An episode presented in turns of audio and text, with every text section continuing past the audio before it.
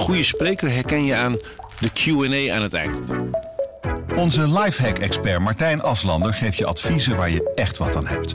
Beluister en bekijk Martijn of een van onze andere experts op businesswise.nl. Businesswise, het nieuwe platform voor iedereen met ambitie.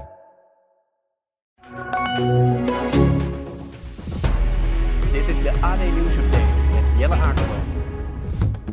Parijs is helemaal hot. De stad van de liefde kon zich geen betere reclamecampagne wensen dan het sportnieuws van de afgelopen dagen. De Olympische Spelen van 2024 en Messi die voor Paris Saint-Germain heeft gekozen. Onze correspondent in Frankrijk, Frank Renaud. Ja, hoe blij zijn ze daar nou met de komst van Messi?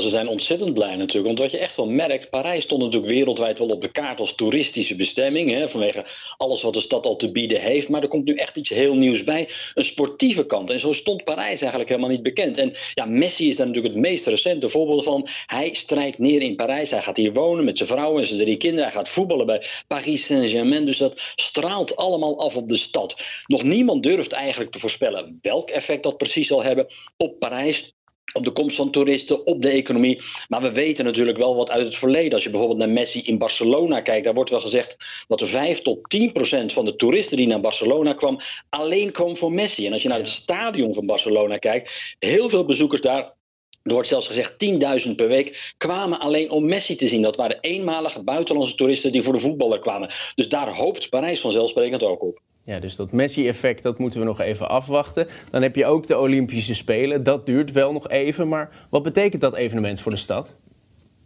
Nou, de Olympische Spelen zijn er in 2024 samen met de Paralympics in Parijs en deels ook buiten de stad. Hè.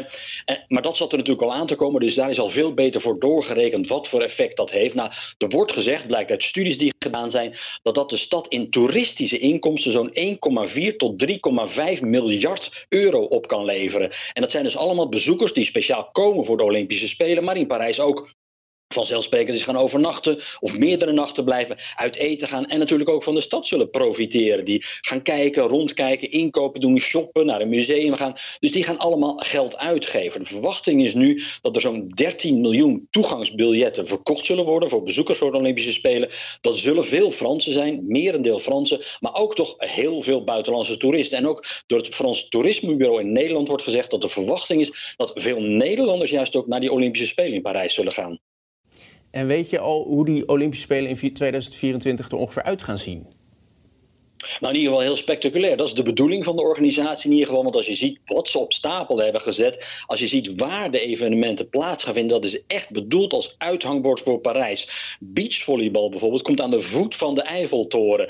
Op de Champs-Élysées wordt vanzelfsprekend gefietst. In de Seine wordt er gezwommen. Taekwondo in het Grand Palais, dat prachtige monument aan de oevers van de Seine. En dan is er ook nog paardrijden bij het kasteel van Versailles. Dus echt een koninklijke uitstraling zou je kunnen zeggen. Dus er is echt gekozen voor eye-catchende toplocaties waar die sportevenementen plaatsvinden. Juist ook om dat allemaal aan de wereld te kunnen laten zien. Want vergeet niet, er komen 25.000 journalisten op af uit alle hoeken van de wereld. Die zullen dat allemaal uitzenden ook in hun eigen landen. En dat is de beste reclame die Parijs zich maar kan wensen. En dat moet ook in de jaren na de Spelen nog voor een enorme vloed aan toeristen zorgen die dat allemaal op tv hebben gezien. Ja, dat gaat mooie plaatjes opleveren. Nu wil Parijs zich ook eh, in de kijker spelen als milieuvriendelijke stad. Hoe gaan ze dat doen?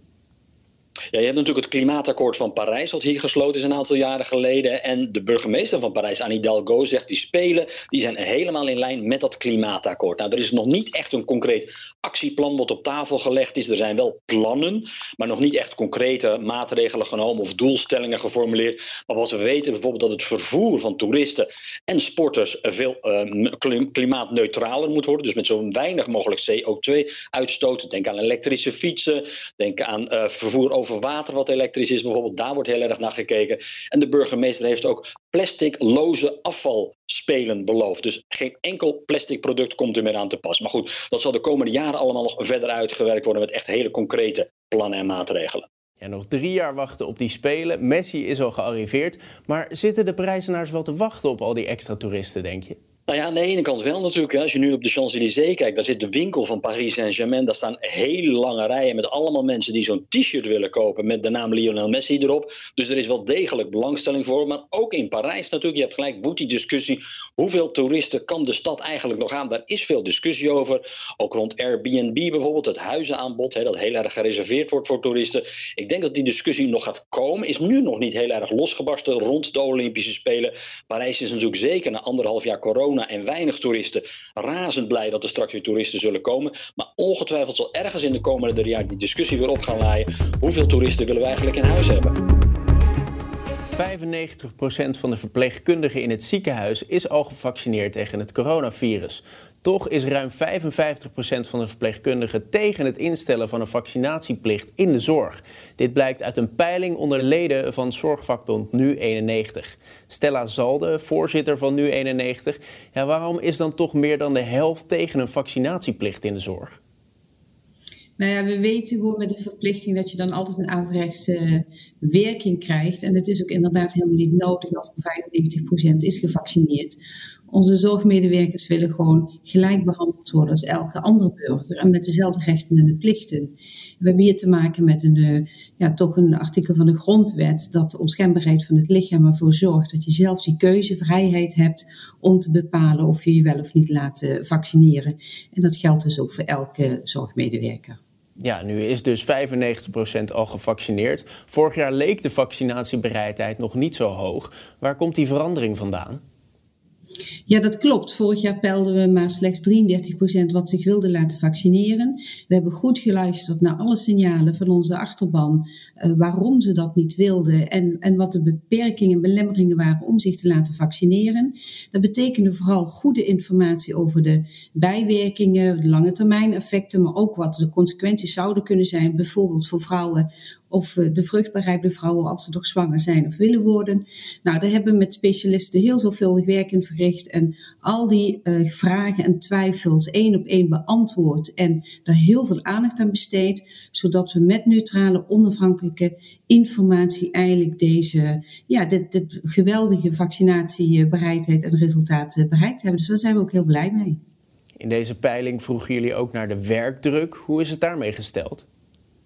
Ja, dat is wel nog een zorgelijke situatie, omdat we zien dat nagenoeg de helft van de respondenten aangeeft dat ze nog niet toe zijn gekomen aan het noodzakelijke herstel. Ze lopen natuurlijk al uh, anderhalf jaar op hun tandvlees om die zorg te blijven verlenen.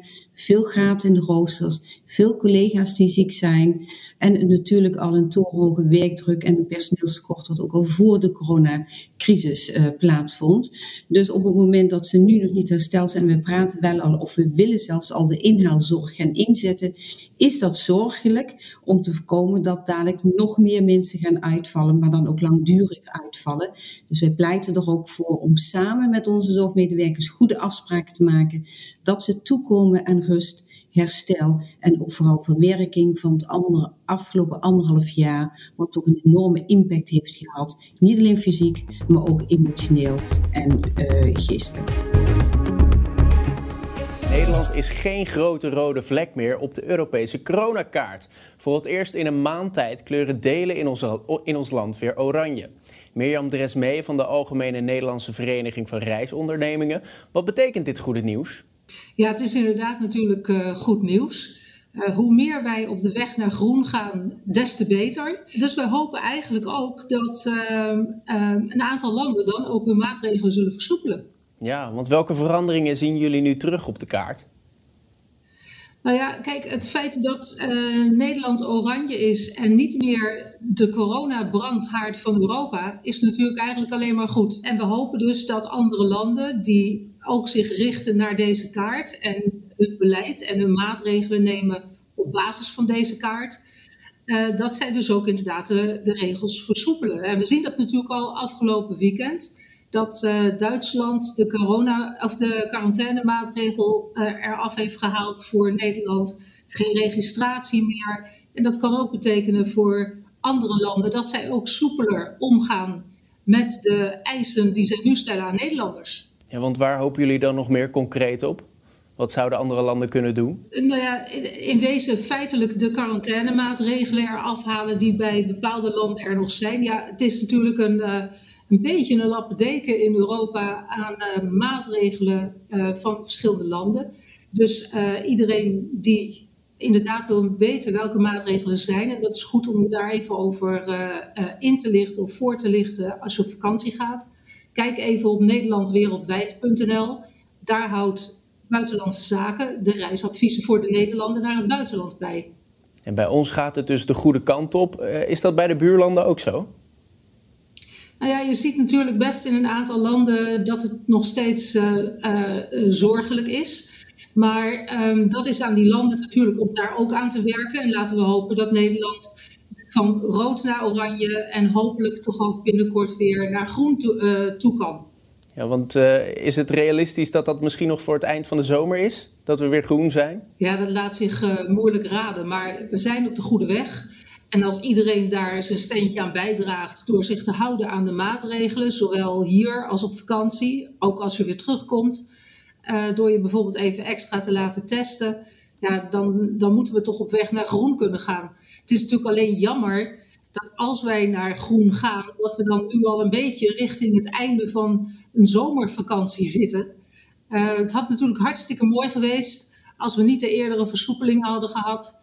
En dat we dus dan ook wel eerder op weg naar groen waren. Dus eigenlijk al eerder in de maand juli. Ja, precies. Nou, laten we hopen dat we dan in ieder geval zo snel mogelijk weer groen zijn. Mirjam Dresmee, dankjewel.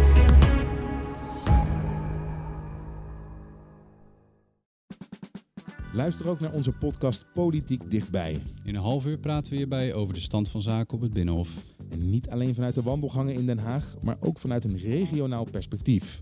We zijn te vinden in onze app, op Apple Podcast en op Spotify. En wie zijn wij dan? Wij zijn Leonard Beekman en Tobias den Hartog.